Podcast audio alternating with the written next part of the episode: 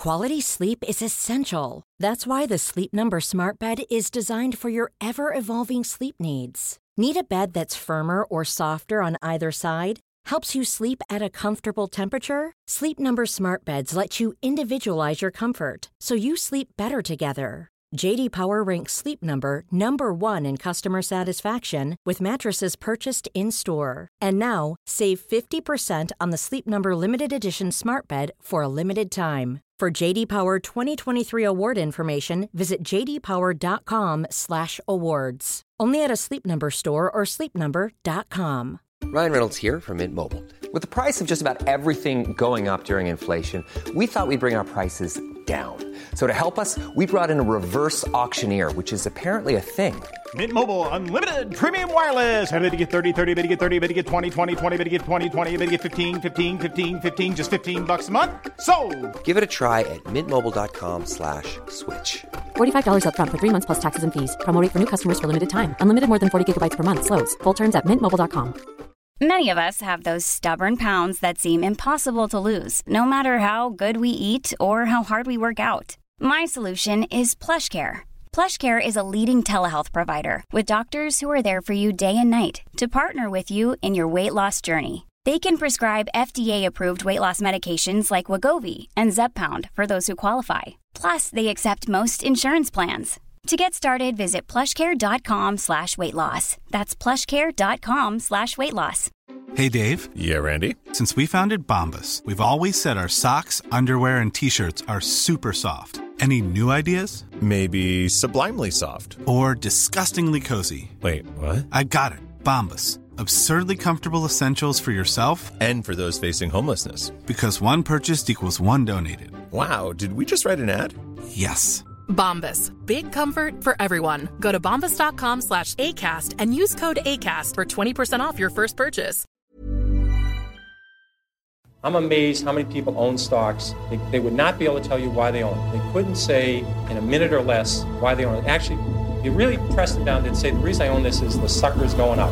There's enough cash in the financial system, and there's an infinite amount of cash at the Federal Reserve. An infinite amount of Put that check in a money market mutual fund. Then we'll reinvest the earnings into foreign currency accounts with compounding interest, and it's gone. So they had to do something. All they had left was just to print money and start buying things. And that's what they did.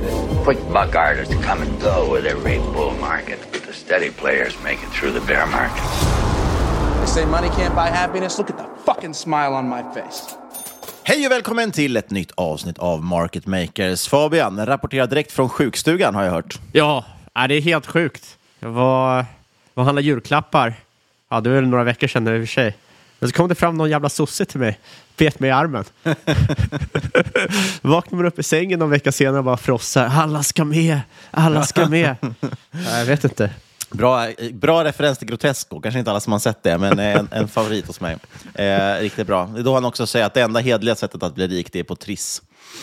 Eh, men i den här podden tror vi ju dock på att man kanske kan bli rik på aktier också. Eh, och vi ska bland annat prata om ett case idag och lite annat. Vi hade tänkt egentligen prata lite om tankers också idag. Eh, ja, det börjar bli riktigt hett nu. Vi pratade ju om det förra veckan och nu så att Niklas Andersson, eh, som numera är på Carnegie, gamla, eh, gamla Avanza-Niklas, han hade skrivit om det här med Suezkanalen nu, så nu börjar ju mainstream media vakna upp Fabian. Vi låg före på bollen får man ju ändå säga. Vi låg äh, före på bollen, men eftersom äh, Fabian är i sjukstugan så väljer vi att avvakta en vecka och snacka på en tankers. Men då får man en rejäl tankerspecial å andra sidan. Ja, och framförallt får man ju tid att klura på roliga titlar på det avsnittet. Det är alltid en utmaning när man ska döpa avsnitten, komma på någonting roligt, spetsigt, eh, sådär. Jag har några förslag här Fabian, du ska se vilket du tycker är bäst. Jag tänkte då, om man ska prata om tankers, så skulle avsnittet kunna heta Med tanke på tankers. Ja. Det är bidrag nummer ett. Alternativ nummer två, Tänker på tankers. Ja. Och alternativ nummer tre, Fabian, tankerläsaren. den, den är rolig. Jag tänkte att vi ska bara ska It's tanker time. Ja, jag tycker att det var, var bättre. Mina var faktiskt lite bättre då. Vi får se, det får nog bli Fabian, tankeläsaren. Jag, jag, jag, jag, tyckte alla var otroligt dåliga. Mannen som kunde tala med tankers. Men det blir nästa vecka. I den här veckan däremot ska vi prata om lite andra grejer. Bland annat det kommer också bli lite bitcoin. Eh, det, nu är det ju krypto-HS igen och jag tror faktiskt också att vi kommer ta lite AI apropå HS. Men oavsett vad vi pratar om så ska man komma ihåg att det inte är någon rådgivning eller rekommendation som pågår i den här podden. Vi berättar bara om vår process och hur vi tänker. Du måste alltid göra din egen analys och glöm aldrig att alla investeringar är förknippade med risk. Ja, och jag tänkte faktiskt att vi kunde börja lite kort med bara en liten AI-spaning. Eh, jag hittade här på faktiskt Twitter en duktig kille som har rapporterat lite spaningar eh, som han har sett, eller breakthroughs som har gjorts och nyheter som har släppts under sista kvartalet 2023. Och jag tänkte omvandla det här lite lite, förklara lite vad, vad som kan tänkas hända i den här branschen framåt. Nvidia hade en enorm rusning förra året, var ju upp ett par hundra procent. Det har vi pratat om till leda. Men intressant nu, för nu ger sig alla andra in på AI-chipmarknaden känns det som. Dels kommer Intel med ett nytt AI-chip, så de ska ut och konkurrera med både Nvidia och AMD. Microsoft visar också sitt första AI-chip. Och Det är lite intressant, det här med att skapa sina egna chip. Eh, det var ju ett stort problem här ett tag med att få tag på chip allmänt till, liksom, till ja, vanliga processorer och så vidare.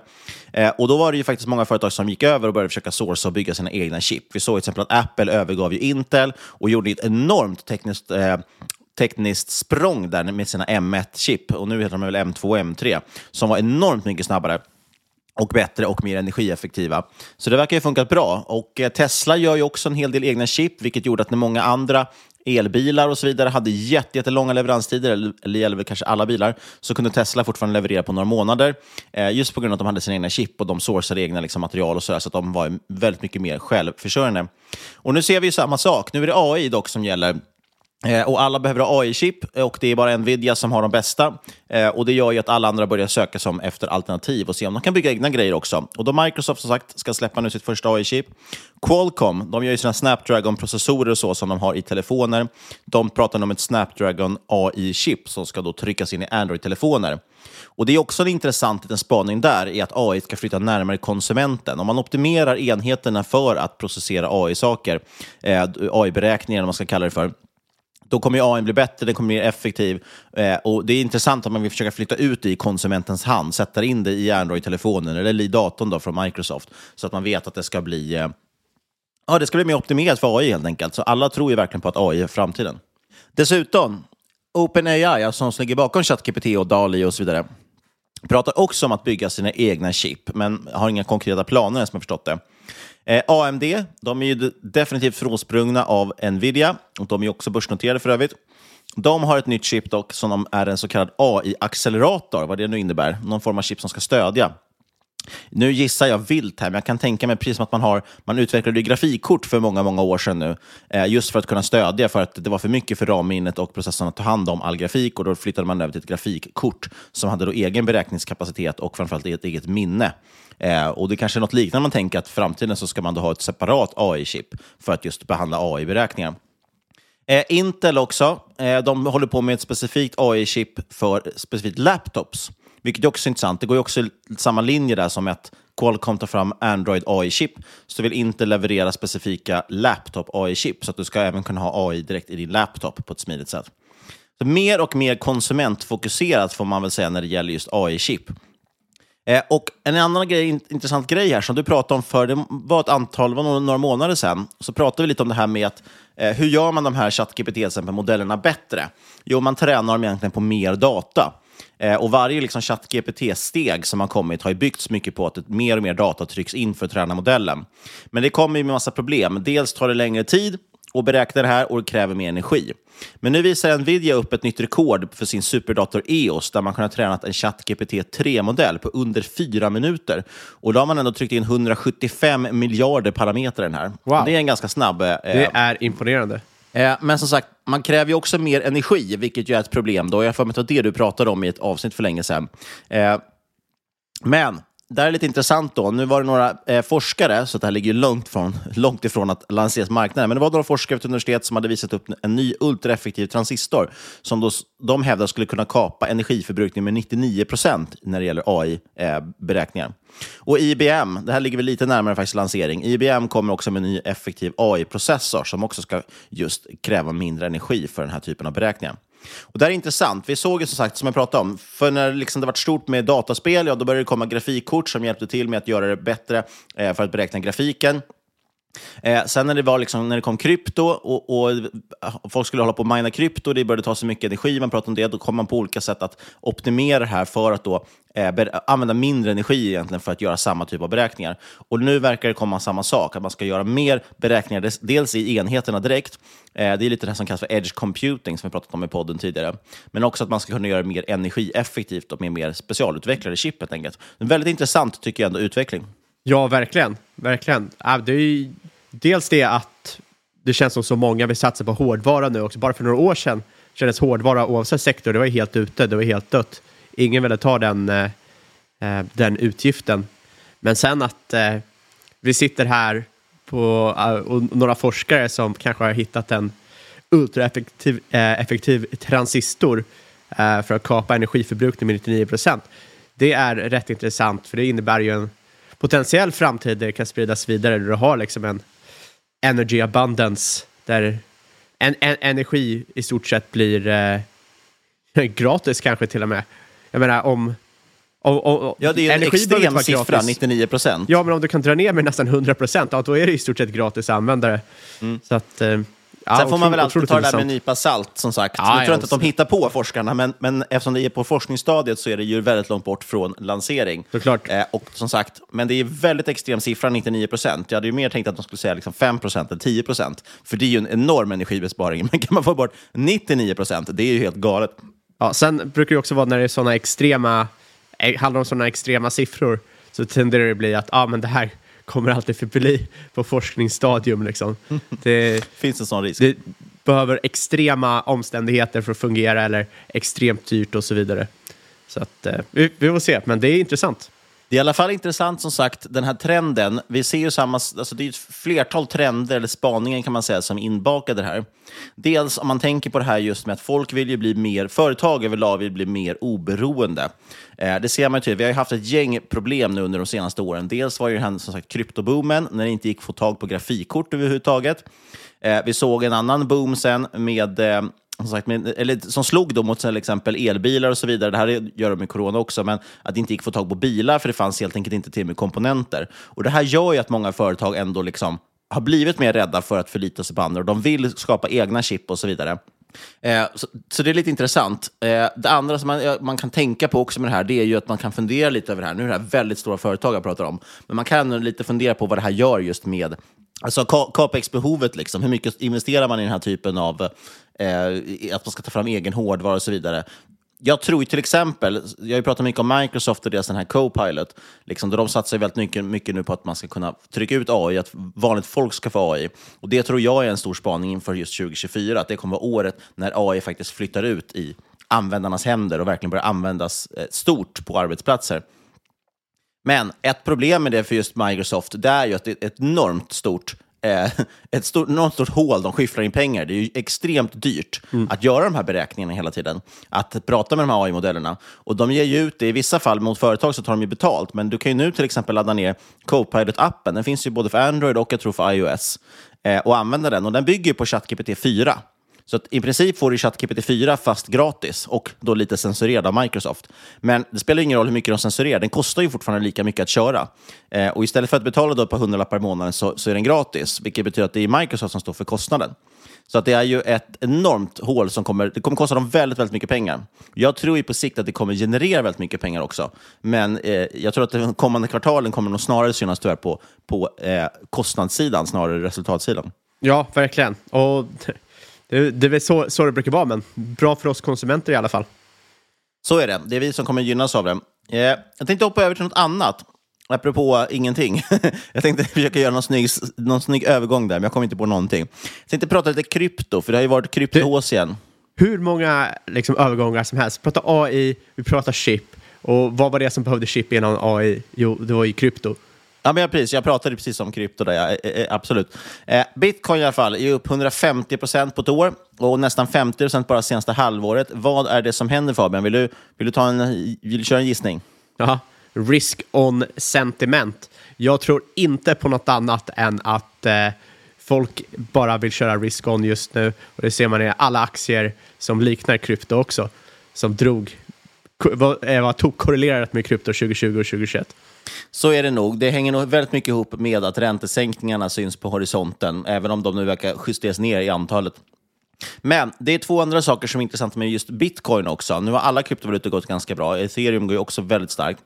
Men någonting som är superintressant med specifikt bitcoin eh, är ju faktiskt att eh, den här bitcoin-ETFen ser ut att vara på G nu och ska godkännas av SEC, alltså amerikanska finansinspektionen.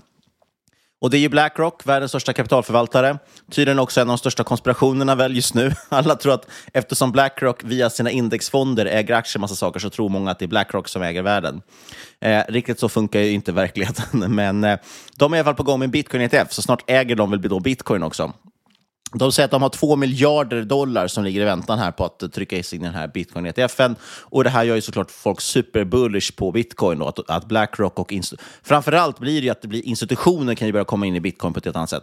Det här pratade vi om för några år sedan också, när det skulle komma en bitcoin-terminer. Men det här blir ett ännu mer legitimt och intressant sätt. Framförallt tror jag det många pratar om i USA, det är ju de här 401ks, alltså pensioner helt enkelt, tjänstepensioner, där folk själva kan kontrollera. Där har man inte kunnat köpa kryptovalutor, men i och med att det nu kommer en ETF som är sanktionerad av SSI, då kommer man att kunna köpa till exempel med sitt tjänstepensionskonto kommer man kunna köpa eh, bitcoin helt enkelt via den här ETFen. Eh, och det är ju en väldigt stor sak, för det är väldigt, väldigt mycket pengar som ligger där. Eh, Men sen handlar det också som sagt om institutioner. Det får ju en helt annan typ av legitimi- legitimering eh, i och med att Finansinspektionen godkänner den här ETFen. Om de nu gör det, det vill säga, eh, så skulle det vara otroligt positivt liksom, för bitcoin som varumärke, eller man ska säga. Dessutom, Blackrock och det är någon annan stor kapitalförvaltare som var på G också med någon ETF, hörde jag. Eh, men jag har glömt bort vilka det var nu. Båda de har ju också satsat miljoner på marknadsföring. Det har varit stora marknadsföringskampanjer där man då promotar faktiskt att investera just i bitcoin via den här ETFen. Och det intressanta nu som alla sitter och väntar på, det är ju det här godkännandet från SEC. Något som var kul dock, det var att det kom ju idag, eller om det var i natt. Vi spelar för övrigt in det här den 10 januari, men det släpps den 11 som vanligt. Eh, det kom här bara för några timmar sedan, kom det från SECs Twitterkonto eh, ett ett meddelande, en tweet, om att de hade godkänt den här ETFen och att nu var det fritt fram och att de ställde sig bakom bitcoin och tyckte att det var en fantastisk produkt, typ. Något i den stilen. Visade sig dock att det var att deras Twitterkonto hade blivit hackat. De hade ju ingen eh, flerfaktorsautentisering till SSI på deras Twitterkonto. Så den tweeten ryckte de ganska fort. Eh, bitcoin gick dock upp 1000 dollar på den här tweeten och sen föll den kraftigt ner igen efter det, när det visade sig att det här var ett, ett fejkat inlägg. Eh, men jag tyckte ändå det var lite intressant, för jag har mycket tänkt att det här är ett sell on news-event. För bitcoin har ju som sagt gått upp jättemycket, 50% bara senaste halvåret, på just förväntningarna inför den här ETFen. Jag tror ju att väldigt många, tittar man på lite liksom finansmedia så är det många som pratar om att oj, bitcoin kommer rusa nu när det här godkänns. Men det brukar ju, som vi vet av, av historien, brukar det ju vara tvärtom, att det är sell on news, det vill säga inför det här så går den upp, men när det väl sker, faktiskt när godkännandet kommer, så kommer det istället gå ner. Det har jag tänkt vara det mest rimliga. Därav var det lite intressant. 100 procent. Jag, jag, är- jag är helt med dig där, att jag tror också det. Och jag, jag är själv suttit på andra sidan där. Man bara, men skulle du inte rusa? Ja. Åker man ner i källaren istället.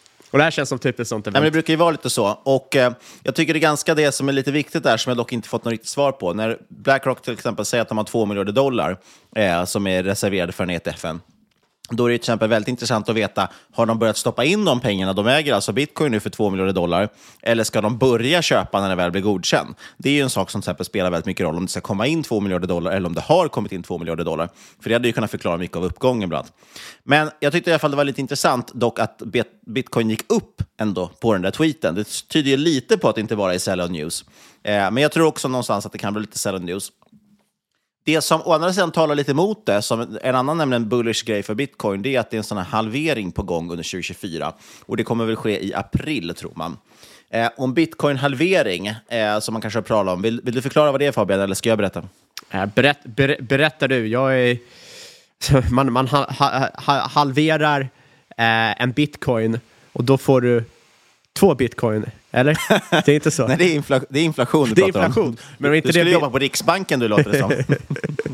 Men, nej, just det, för bitcoin var emot inflation, eller hur var det? Precis. Ja, det här är faktiskt typ det, nästan det omvända kan man säga, inte riktigt. Nej, men det handlar ju om att när man minar bitcoin, då får man ju hela tiden belöningar. När man eh, liksom klarar av att knäcka ett block, eller sätta ihop ett block kanske man ska säga, då betalas det ut en belöning i form av bitcoin. Och Det här görs ju hela tiden och det kommer göras upp till att det blir 21 miljoner bitcoin. Det är det maximala antalet. Eh, sen kommer man behöva lösa belöningarna med transaktionsavgifter och lite liknande. Eh, men just nu betalas det ut bitcoins och för att de inte ska ta slut, i början fick man ju jättemånga bitcoins i varje sån här belöning varje, för varje block. Men då gör man nämligen så att eh, lite då och då eh, det finns en viss intervall, ungefär har det varit var fjärde år, men det har att göra med antalet block. Jag tror 200, drygt 200 000 block, var 200 000 block så, eh, så halveras helt enkelt den här belöningen som man får. Och det är för att det ska gå långsammare och långsammare att få ut bitcoin, de här 21 miljoner bitcoinsarna. Och det kommer ske nu i april någon gång, beräknar man, att man når det här 200 000 eh, blocket. Eh, och då kommer helt enkelt det bli ja, hälften så mycket bitcoin som belönas ut. Och det brukar alltid, eh, det brukar alltid vara en stor uppgång inför sådana halveringar. Det är ingen garanti på något sätt, men det har alltid varit väldigt positivt för bitcoin med de här halveringarna, för bitcoinpriset. Är det också sell on news där, eller? Eh, jag vet inte riktigt. Jag kommer inte riktigt ihåg exakt hur det är, men, men det brukar väl framförallt vara inför halveringen som det går upp ganska mycket. Eh, och det här har väl lite att göra med att det helt enkelt begränsar ju utbudet. Eller inte begränsar inte utbudet, men det minskar ökningen av utbud. För att det då helt enkelt genereras lite mindre bitcoin eh, efter det eventet helt enkelt. Så det brukar vara så att eh, då blir, ju, ja, då blir utbudssidan svagare helt plötsligt än efterfrågan. Till dem. Eh, Så det är lite intressant. Det är också en, ännu en sak som har varit lite bullish här för bitcoin och som verkar som sagt, någonstans i april ska det troligtvis ske. Eh, jag vet inte om man behöver prata så mycket transparens kring bitcoin, men jag äger ju lite bitcoin faktiskt. Jag tror jag sa det i förra avsnittet, för jag tycker att det har varit flera sådana här ganska intressanta faktorer eh, som, som ligger just nu, eh, det här, de här månaderna.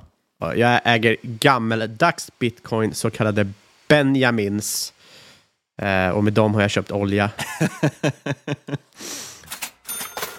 Jag tänkte då, avslutningsvis här, eller avslutningsvis, det här kanske blir, det här är ju längsta segmentet, så tänkte jag prata lite om ett case också. Och vi ska forta, fortsätta i teknikens tecken. Vi kan absolut inte prata om någon olja i det här avsnittet. Det kändes så himla skönt att vi inte skulle göra det och så kunde du trycka in det ändå. Det tog emot lite. Nej, jag skojar. Det är många som gillar oljan också. Men jag tänkte prata om ett Nej, litet Niklas bolag. har sagt till mig på skarpen nu. Max var tredje avsnitt Fabian. Max var tredje avsnitt. Precis, så då smyger du in tankers istället i nästa avsnitt. Ja, exakt. Så att du indirekt pratar om olja. Eh, jag tänkte i prata om ett bolag som heter Maven Wireless.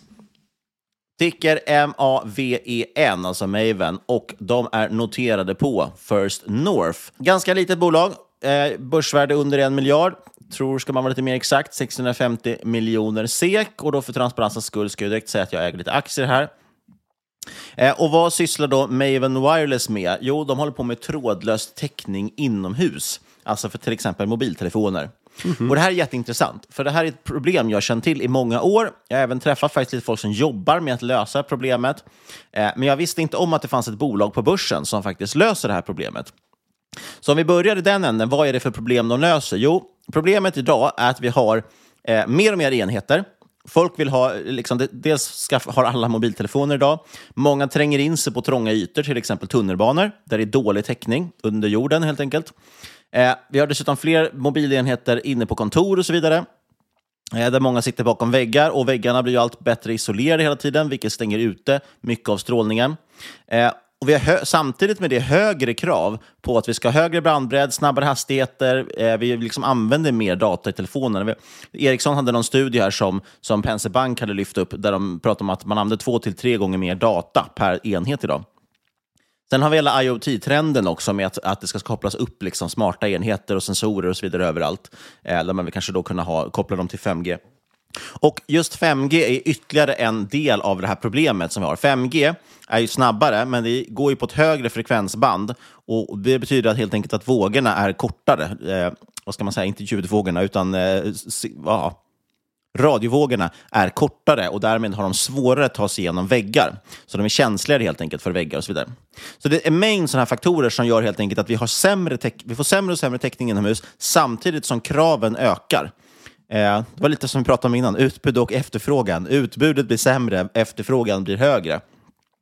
Och hur löser man det då? Eller ett ett problem också som man kan nämna det här, det är att det som händer då, det är att om man tar en mobiltelefon till exempel, den ökar ju då styrkan i antennen för att dels skicka ut eh, liksom kraftigare signaler, men också för att ha lite, försöka ta emot de andra bättre. Eh, och det ökar ju dels batteriet, batteriförbrukningen, eller energiförbrukningen i telefonen. Det gör den varmare, eh, vilket kan vara dåligt för telefonen också. Eh, och det ökar strålningsmängden då, som ju inte är farlig, men en del, en del som är väldigt rädda för strålning, de blir ju glada eh, om det här kan minska. Eh, lösningen på det här helt enkelt, det är att på olika sätt leda in eh, strålningen eller signalerna in i huset, till exempel i tunneln eller vad det kan vara.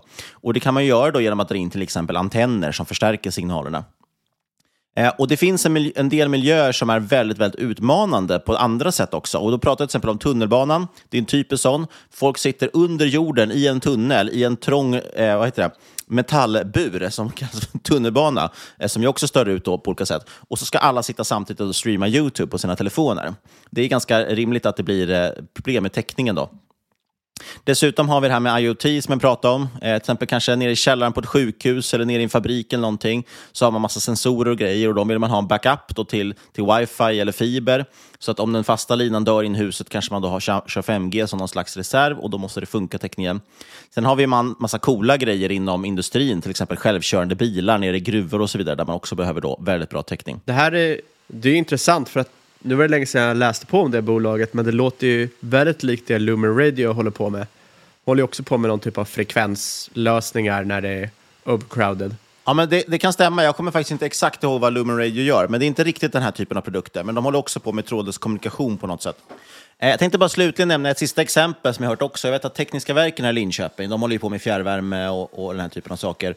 Eh, de har ju ett stort system för bland annat walkie-talkies tror jag det är, som de kör digitalt. Eh, och det är också typiskt, och då vet jag, jag pratade med en som jobbade med det, att drog ut just antenner och så vidare för att de ska kunna ha helt enkelt bra täckning och ha en eget liksom, system i princip.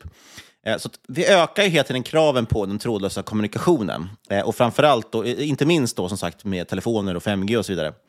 Och Maven då, Wireless, ja de har ju till och med Wireless-namnet. Deras produkter egentligen är, enligt egen utsago ska sägas i och för sig, bästa lösningen i branschen på det här. Eh, men där ser man också bekräftat, bland annat i upphandlingar där dokumenten är publika, där ser man då tydligt att de har alltid fått högsta betyg av sin teknik i samtliga upphandlingar de har deltagit i. När man har gjort kundundersökningar också så säger man att man väljer Maven just för att de har den bästa tekniken, men också faktiskt ett väldigt bra pris på den också. Eh, och den är väldigt liksom, ja, vad heter det? Man, man ligger helt enkelt i framkant med sina produkter på, på en mängd olika delar. Eh, en stor bonus också det här, jämfört med deras konkurrenter, är ju att de är helt digitala. Och exakt hur det går till, det är alldeles för avancerat för mig som, som poddare att förklara. Eh, jag förstår inte riktigt det faktiskt. Men de är helt digitala, det är mjukvarubaserat. De har dessutom patent på den mjukvaran, eh, vilket ju också är en stort plus.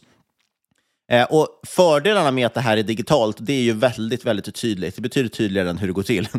Eh, för det gör att man kan uppdatera systemen på distans, man kan underhålla dem på distans.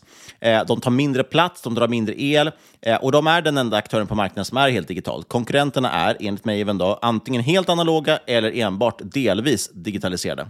Dessutom är den här lösningen extremt mycket mer effektiv. Den erbjuder enligt mig även själva fyra gånger högre bandbredd, vilket ju är en superviktig eh, faktor, och täcker 40 procent större yta jämfört med konkurrenternas lösning. Eh, så att det krävs mindre installation för att nå samma resultat. Man bedömer också att Mavens produkter förbrukar två tredjedelar mindre energi i snitt än konkurrenternas. Eh, och Det gör ju då, i och med att de är mer energieffektiva, så gör att man inte kräver till exempel kylfläktar för att hålla nere temperaturen på de här enheterna. Och det gör att de tar mindre plats. Eh, det blir också då snabbare och enklare att installera dem. Och den lämpar sig väldigt bra för mindre ytor. Till exempel i tunnlar och servicetunnlar och sådana saker så får man kanske inte alltid ställa in heller enheter med fläktar för att det är så begränsat liksom, luftutrymme där. Eh, så att de, har ju de här lämpar sig då väldigt bra för att sätta in i den typen av, av ytor. Eh, ett tydligt kvitto också tycker jag på, på att de verkar ligga i framkant är att man ser att eh, man har, haft, har kunder där, som har haft helt nyinstallerade system från konkurrenter, där de, men de har monterat ner de systemet och ersatt dem med Mavens system för att de anser att Mavens system är så pass mycket bättre. Eh, och som jag sa, det behövs heller inget fysiskt underhåll, utan allt det här kan skötas då på distans. Eh, så det i sig också leder till mindre materialåtgång, det är mindre transporter, det är mindre arbete, mindre personal och så vidare. Så det är en win-win både för Maven och deras kunder. Eh, dessutom menar Maven själv att deras plattform är den enda på marknaden som är helt anpassad för 5G och framtida standarder som det pratas om nu. I och med att den har ju så hög bandbredd och att den går att uppdatera utan fysisk påverkan. Eh, så det gör ju betydligt känns det mer framtidssäkert att sätta in ett system som, som då ska kunna gå och uppdateras på distans, snarare att du behöver ut och skruva på det om det ska uppdateras. Eh, och Dessutom är de här produkterna modulära, vilket ju också är bra, men det tror jag att konkurrenternas också är. Eh, så man kan sätta ut, byta ut eller installera nya enskilda delar liksom, och bygga ut där löpande. Eh, och Dessutom så erbjuder man täckning till alla operatörer. Eh, jag vet inte om konkurrenterna gör det, jag antar att eftersom Maven själva lyfter, lyfter det som en fördel så antar jag att inte alla konkurrenter gör det i alla fall. Eh, men det är också väldigt bra. Eh, och sen hela bolaget i sig faktiskt är byggt på ett väldigt intressant sätt. Eh, eller det är inget unikt i sig, men det, de bygger ju liksom på att de jobbar mest med tredjepartsproducenter för tillverkning. Eh, bland annat Kitron vill jag minnas, faktiskt, apropå börsnoterade bolag. Eh, och installation genomförs antingen av partners eller kunden själv. Och Det gör helt enkelt att det, det bolaget som finns på börsen, som är Wireless, är ju liksom själva produktbolaget, eh, som är, kan då vara en väldigt relativt liten organisation. Eh, det är väldigt stor skalbarhet i det här eh, och det gör att det blir som sagt väldigt slimmat och kan då generera bra kassaflöden. Eh, och tittar man då på marknaden för det här, jag tror att de flesta fattar att det är extremt eftertraktat. Alltså som sagt, 5G rullar ut på, på bred front eh, och den här typen av problem kommer knappast minska i framtiden. Men det är ändå lite intressant att den här marknaden som man pratar om, den värderas till runt 8 miljarder dollar 2020 eh, och förväntas nå ett värde om cirka 10, eh, nästan 11 miljarder dollar 2025 vilket då motsvarar en genomsnittlig årlig tillväxt om ja, runt 6 procent ungefär under den perioden. Eh, och som jag sa, det drivs av ökad mobiltrafik, det drivs av ökat antal enheter. Folk vill ha snabbare nät, man streamar mer video, man har videosamtal. Då ska du både ladda upp och ladda ner video samtidigt. Eh, och antalet enheter ökar, inte minst till följd av IoT, då, som jag sa. Eh, dessutom, alltså, apropå IoT, mycket fastigheter byggs också ut nu eh, på grund av nya EU-regler och så vidare gällande just energieffektivitet och hållbarhet i byggnader. Då vill man ha mer sensorer och mer mätare överallt eh, för att känna på och, på temperatur och så vidare. Eh, någonting Maven själva kommenterar lite kring eh, eh storleken på marknaden. Eh, och då säger man att baserat på deras diskussioner med industriexperter och deras egen branscherfarenhet så menar man på att deras liksom, globala årliga adresserbara marknad eh, för den här typen av utrustningen eh, är ungefär 2-3 miljarder dollar 2021. Är det här då, så det är lite gamla siffror. Eh, och man nämner då bland annat, alltså den största marknaden är i Nord och Sydamerika, framförallt skulle jag tro Nordamerika. Och där är man också väldigt stora och vinner nya kontrakt där, vilket är väldigt intressant. Eh, och den här marknaden utgör nästan halva marknaden just nu, eh, 44 procent. Och man tror att ens egen adresserbara marknad också, alltså Maven, kommer att växa i takt med den här totala perioden. Eh, eller totala marknaden som jag pratar om, så runt 6 procent per år. Eh, men det finns ju väldigt mycket mark att vinna också, så det är inte så att man tror att bolaget kommer bara växa 6 procent per år. Eh, ja, och man har också fått flera av sina produkter nu slutgodkända och vunnit sitt första stora projekt som kommer levereras under inledningen av 2024 i, i Nordamerika. Eh, så det är liksom Nordamerika är den delen som känns mest intressant just nu i det här bolaget. Eh, men man levererar i, i, ganska globalt. Eh, det är två stycken bolag som följer eh, är två stycken analysfirmor som följer Maven. Det är bland annat Penser, eller numera är det Carnegie, köpte ju upp dem. Åh oh, nej, och, röd flagga. De här, och de här Analyst Group också. Och en intressant grej som Penser nämner i sin analys är att största konkurrenten det är ett bolag som heter Comscope. De har ticker COMM, det handlas på Nasdaq.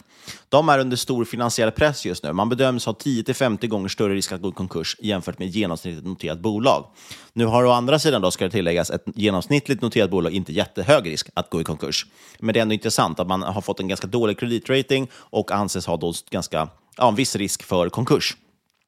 Eh, jag tror kanske inte att det är jättetroligt att man går i konkurs, men det säger en del om att det är under finansiell press och det är ändå lite intressant, eh, tycker jag faktiskt. Det, det är i alla fall en fördel för Maven att eh, största konkurrenten, som jag för mig hade typ 30 procent av marknaden, eh, att de är under stor finansiell press.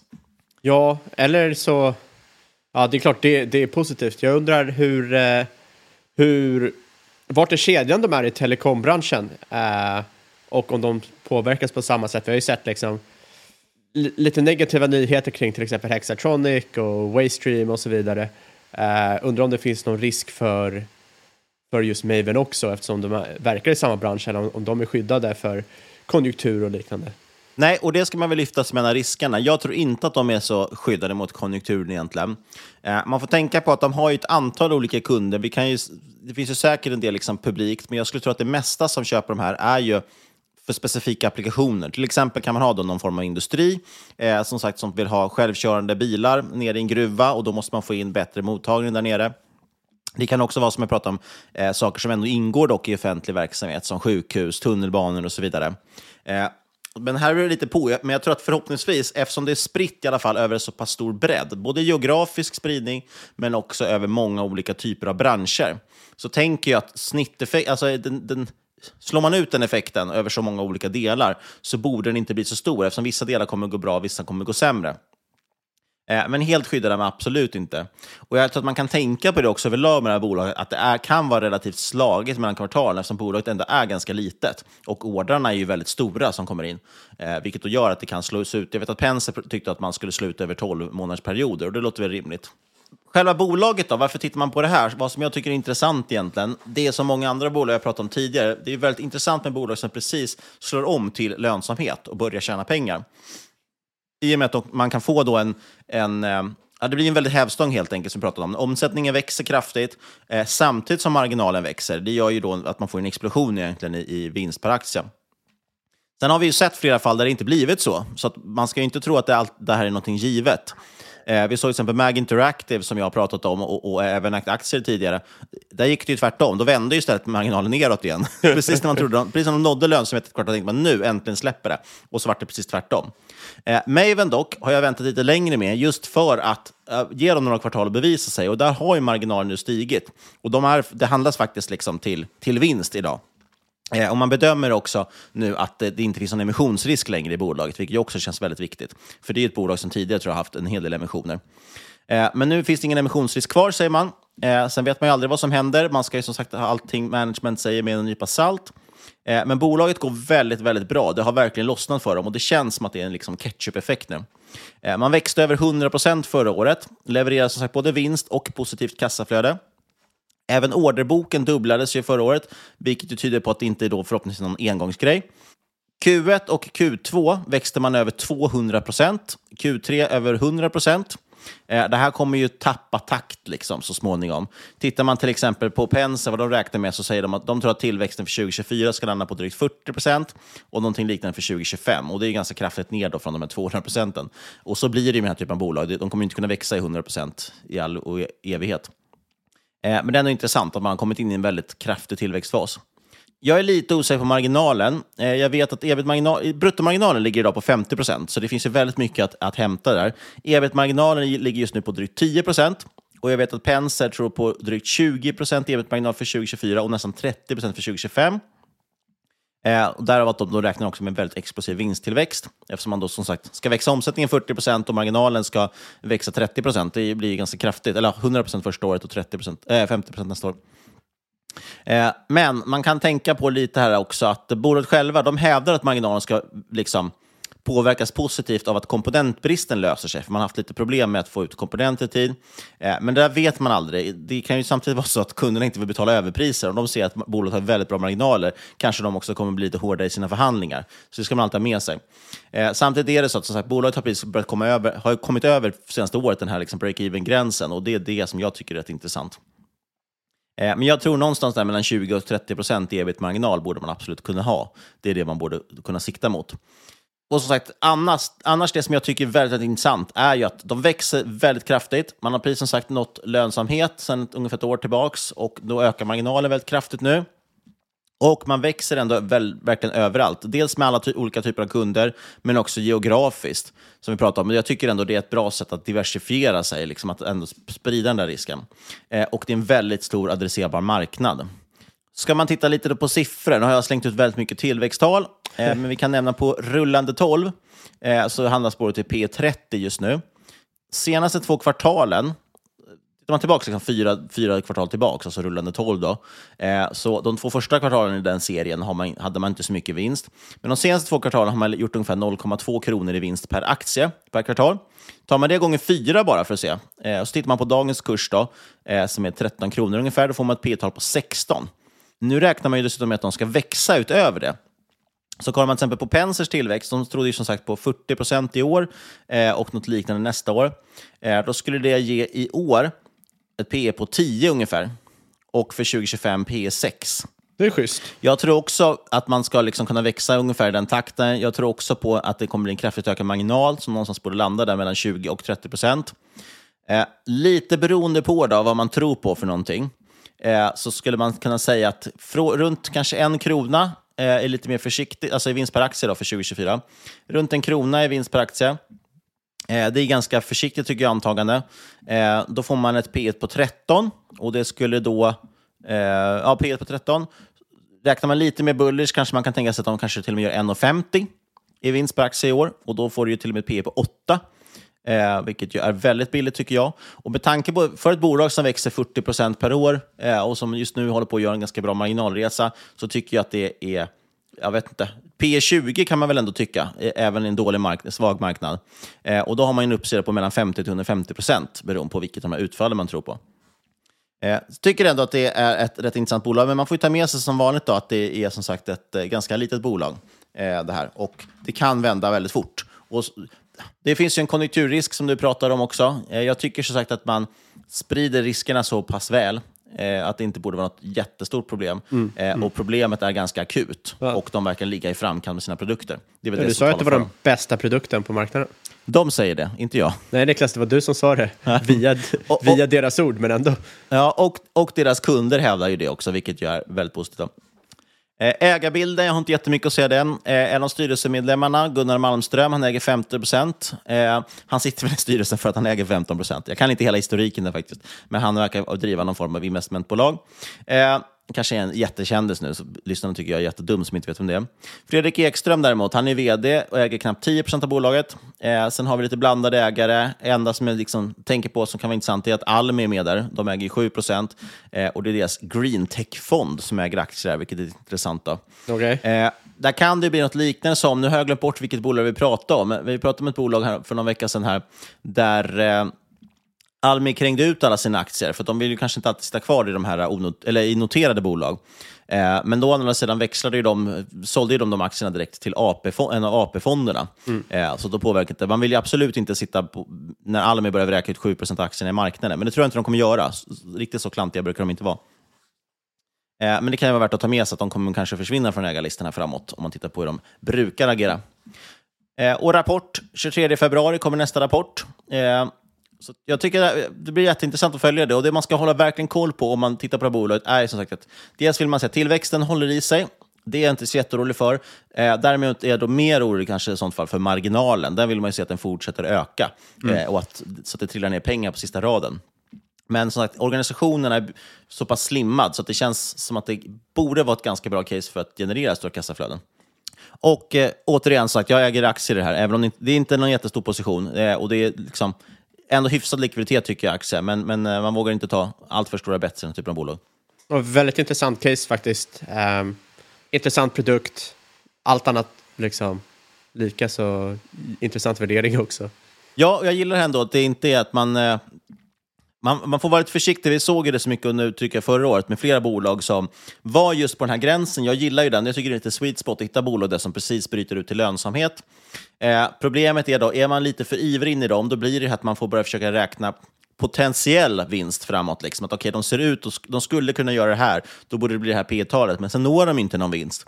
Eller som, som är eh, Mag Interactives för att de, de slår över till vinst, men sen slår de tillbaka till förlust igen och så blir det ingenting av det. Här har de ändå fått lite tid på sig. Man har ändå fyra kvartal i rad med, eh, med vinst helt enkelt. Och man har även ett positivt kassaflöde. Och det känns som att bolaget siktar ganska mycket på det här. Jag upplever inte att det är jättemycket heller stora investeringar man behöver göra. Eh, men det är någonting annat man behöver tänka på annars också. Bolag som växer kraftigt brukar också eh, behöva investera kraftigt. Nu kommer jag på förresten, det var ju ProMimic tror jag, där eh, Almi sålde aktier till eh, en AP-fonden. Och Jag kommer att tänka på dem just nu, för de har ju också lite den risken i sig att eh, det är ett bolag som växer kraftigt, framförallt bland annat i USA. Eh, och De investerar man ju i kontor, i personal och den typen av saker för att liksom bli starkare. Och man investerar också i nya produkter. Eh, och Det kan man ta med sig med Maven också. Det är sådana saker, i de oförutsedda, eh, då kan det slå väldigt hårt helt plötsligt mot marginalen och det kan ju bli väldigt stor besvikelse då i aktien. Och det är lite tråkigt. Och med det avslutar vi väl dagens avsnitt. Det var det vi hade. Så får ni hålla, liksom, sitta på, det blir lite cliffhanger här. Folk kommer gå och vänta på det här stora eh, frakt, nej vad heter tankeravsnittet nästa vecka. Nej, det tror jag inte. Niklas, vad blev det här? Niklas eh, liksom, lilla monologavsnitt i stort sett. Jag satt här och bara kollade in i webcamen i stort sett och lyssnade på det. Men det var mysigt. Det var ett bra case tyckte jag. Ja, men bra. Och eh, är det någon som har några synpunkter på, eh, vad skulle jag säga, någon som har någon tanke där om Lumen Radio och hur de eventuellt på något sätt har att göra med Maven och, och Alltså, jag- eventuellt konkurrera med deras produkter? Jag tror att det är som du sa, att det inte var särskilt relevant. Det var bara något som poppade. Ja, jag tror inte heller det, men jag minns Lumen Radio så dåligt. Jag har lite problem med... det gör jag också. Jag minns, jag minns bara aktiecharten, inte vad faktiskt bolaget gjorde. Nej, och jag, jag, vet att, eh, jag vet vilka som ägde aktier i Lumen Radio, men jag vet knappt vad de gjorde. Nej, skämt åsido. Om ni har i alla fall några synpunkter på, dem, på det, eller någon annan värdefull input, så får ni alltid som vanligt kontakta oss på podcast.marketmakers.se eller på Twitter att marketmakerspod. Nu snodde jag din rad, Fabian. Det jag egentligen borde säga, brukar vara min grej att säga, det är att det inte är någonting hört i den här podcasten som rådgivning. För alla åsikter i vår egen eller vår gäst och eventuella sponsor tar inget ansvar för det som sägs i podden. Tänk på att alla investeringar är förknippade med risk och sker under eget ansvar. Och sist, men absolut inte min kära lyssnare, stort tack för att just du har lyssnat. Vi hörs igen om en vecka.